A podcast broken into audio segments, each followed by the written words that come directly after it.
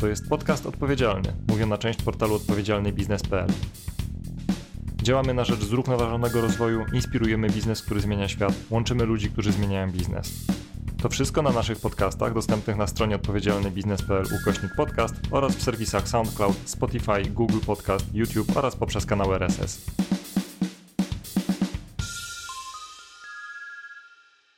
Ludzie, planeta, dobrobyt, pokój, partnerstwo. To pięć tematów, które poruszamy w ramach cyklu 20 podcastów z okazji jubileuszu 20 lat partnerstwa na rzecz zrównoważonego rozwoju w Polsce. Głos oddajemy ekspertkom i ekspertom, którzy zmieniają biznes. Chcemy w ten sposób podkreślić ich rolę w szerzeniu idei związanych z koncepcją zrównoważonego rozwoju. Partnerem obchodów jubileuszu jest firma LPP. O globalnych łańcuchach dostaw i prawach człowieka mówi Anna Miazga, ekspertka do spraw zrównoważonego rozwoju w firmie LPP, partnerze jubileuszu. CSR to, mówiąc w skrócie, ja to tak rozumiem przynajmniej, to pewna moralność firmy, etyczne zadbanie o to, w jaki sposób działa i że jej główny cel, czyli tak naprawdę zarabianie pieniędzy, mówiąc w skrócie, nie ma negatywnych skutków dla otoczenia i dla środowiska, i dla pracowników, i dla wszystkich innych, na których ma wpływ. W kontekście praw człowieka łańcuch dostaw jest jednym z newralgicznych e, elementów, głównie dlatego, że dzisiaj żyjemy w bardzo globalnym świecie. Oznacza to, że produkt, który kupujemy e, w sklepie w Warszawie, mógł przebyć więcej kilometrów my, niż my na wszystkich możliwych wycieczkach w ciągu całego swojego życia. Um, I przez tą złożoność łańcucha dostaw widoczność całego procesu produkcyjnego jest zaburzona, nie jest, nie jest taka transparentna. I tutaj pojawia się tym nasze główne wyzwanie, e, no bo przecież na każdym z tych etapów pojawiają się ludzie pracownicy, dostawcy, jacyś usługodawcy, e, czy w transporcie, czy przy produkcji, czy przy zbieraniu surowca, surowca, czy w każdym innym elemencie mamy zawsze do czynienia z tym czynnikiem ludzkim.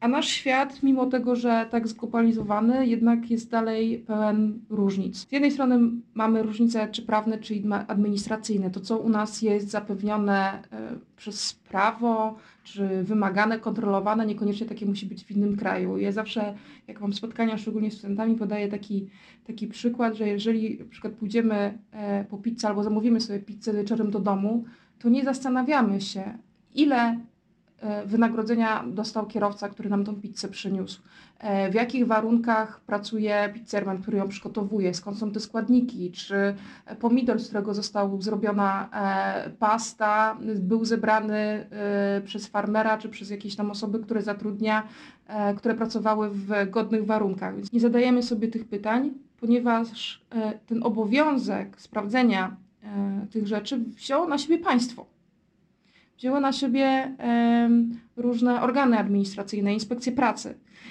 I teraz, jeżeli produkujemy, czy jakakolwiek część produkcji jest ulokowana w krajach, w których nie jest tak rozwinięty system ani prawny, ani kontroli administracyjnej, no to w pewnym sensie te obowiązki przerzucone są na tego, kto czerpie z tego, z tego zyski, czyli na firmę. Drugim takim ważnym czynnikiem, który składa się na, na te ryzyka związane z prawami człowieka w, w łańcuchu dostaw, są różnice kulturowe i trochę inne wartości. Tutaj świetnym przykładem jest testowanie produktów na zwierzętach. W Europie jest to zabronione, w Chinach jest to nakazane, kiedy mówimy szczególnie o kosmetykach.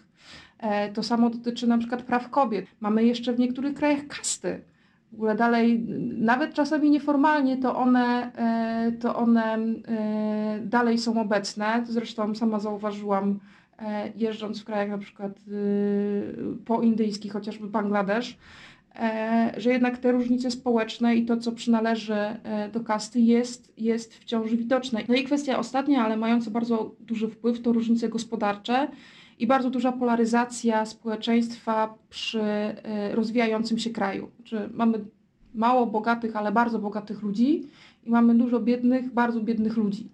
I brak właśnie um, takiego elementu kontroli prawnej, um, kontroli e, społecznej, tych mechanizmów społecznych, które na przykład e, są, są w Europie, sprawia, że te różnice są coraz większe i biedniejszym jest coraz trudniej walczyć o swoje prawa i jakby przejść pewien taki szklany sufit, tak to nazwijmy. Więc to też nie pomaga w radzeniu sobie z tymi różnymi ryzykami, ryzykami w łańcuchu dostaw, a z drugiej strony ciężko jest to rewolucyjnie przejść ten etap, bo wszystkie kraje, które się rozwijały w jakimś, w jakimś momencie miały to ryzyko i było zagrożenie, że tylko część, mówiąc kolokwialnie, mogła się, mogła się wybić, a, a, a, cała reszta, y, a cała reszta na tym traciła. Żeby poradzić sobie z tymi wszystkimi ryzykami, które są obecne i których no, nie da się ani zignorować, ani po prostu przejść obok nich, e, myślę, że trzeba zacząć od rozumienia sytuacji, czyli chociażby e, w kontekście e, właśnie prawnym, gospodarczym, społecznym, w jakim, w jakim dzieje się produkcja. A to, na to pozwalają parę rzeczy. Po pierwsze na przykład bycie na miejscu. Od kiedy LPP ma swoją siedzibę na przykład w Dace w Bangladeszu, to mamy bezpośredni kontakt z tym, co się dzieje na miejscu, wiedzę, świadomość. Nasi pracownicy są pracownikami lokalnymi, więc też znają prawo, znają kontekst właśnie społeczny. E, y, pozwala nam to zrozumieć, w jakim miejscu produkujemy, z jakimi wyzwaniami spotykamy się nie tylko my, ale też nasi dostawcy i pracownicy naszych dostawców. Więc jakby bycie na miejscu jest, jest bardzo ważne i zdecydowanie ułatwia kontrolę łańcucha dostaw. Ale też pewnie nie da się być wszędzie, jeżeli się na przykład produkuje w kilkunastu, w kilkunastu krajach, więc mamy jeszcze współpracę z organizacjami pozarządowymi, które się specjalizują e, w świadczeniu pomocy na danym miejscu, ale też właśnie rozumieniu i badaniu sytuacji. Mamy różnego rodzaju porozumienia. Tutaj świetnym przykładem w czasie COVID-u było zawiązane porozumienie w branży odzieżowej, które nazywało się Call to Action i e, złożone z, koniec końców chyba było ponad 100 brandów odzieżowych e, z całego świata, właśnie organizacje pozarządowe, międzynarodowe, dbające o prawa pracowników. E, dzięki temu porozumieniu byliśmy w stanie zareagować szybko na zmieniającą się sytuację gospodarczą i wspomóc bezpośrednio dostawców, pracowników naszych dostawców, którzy pozostali bez pracy w tym ryzykownym dla nas wszystkim gospodarczo czasie. Pierwszy krok to zrozumienie, w jakim, e, w jakim obszarze działamy, jakie są tam ryzyka. Drugie to standardy, które muszą być częścią inwestycji. Jeżeli my inwestujemy, na przykład poprzez e, zlecenie, zapłatę za zlecenie w jakimś kraju, to za tym muszą iść pewne wartości, które chcemy, żeby były częścią naszego produktu. E, zazwyczaj, szczególnie w branży odzieżowej, ale nie tylko, dzieje się to poprzez ustanowienie kodeksu postępowania, czyli pewnych podstawowych zasad, zazwyczaj wzorowanych na międzynarodowych deklaracjach, na przykład Deklaracji Praw Człowieka, e, których musi przestrzegać nasz dostawca. E, no ale wyznaczenie standardów to jest krok pierwszy. Krokiem drugim niezbędnym, żeby ten mechanizm zadziałał, jest sprawdzanie tych standardów. E, my to robimy poprzez audyty własnych audytorów, ale także przez audytorów zewnętrznych w zeszłym roku na około 1200 dostawców tych audytów było ponad, ponad 1500, bo e, no, chcielibyśmy być przynajmniej raz w roku u naszego dostawcy, ale z drugiej strony czasem musimy wrócić, jeżeli były podczas wcześniejszego, wcześniejszej kontroli mm, zauważone jakieś niedociągnięcia czy jakieś błędy, które należało poprawić.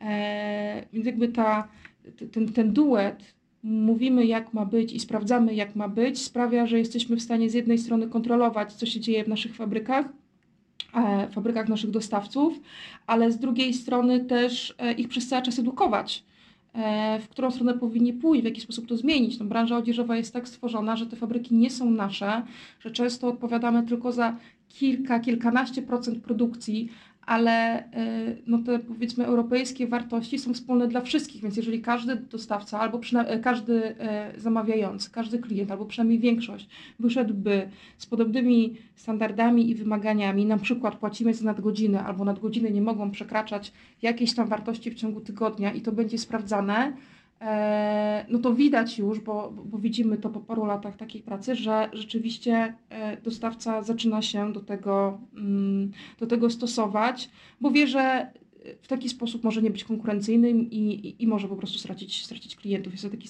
system e, motywacji biznesowej, oparty jednak na, na, na relacji stricte ekonomicznej.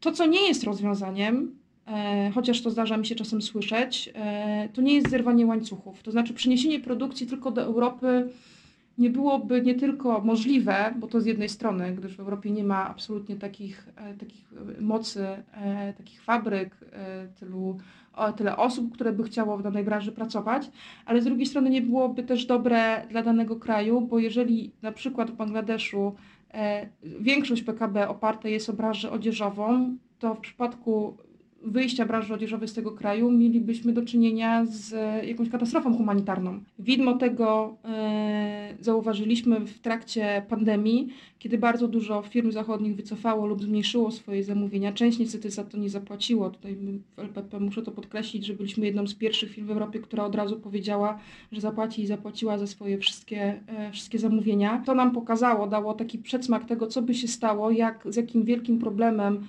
głodu, E, braku pracy, e, załamania gospodarki w danych krajach by było, gdyby, gdyby branża odzieżowa stamtąd wyszła. Więc ja jestem święcie przekonana, że powinniśmy inwestować w te kraje, tylko inwestować w nie mądrze i e, pokazywać, w jaki sposób zmieniać swoje podejście i, i budować wartości również w obrębie na przykład praw pracowniczych.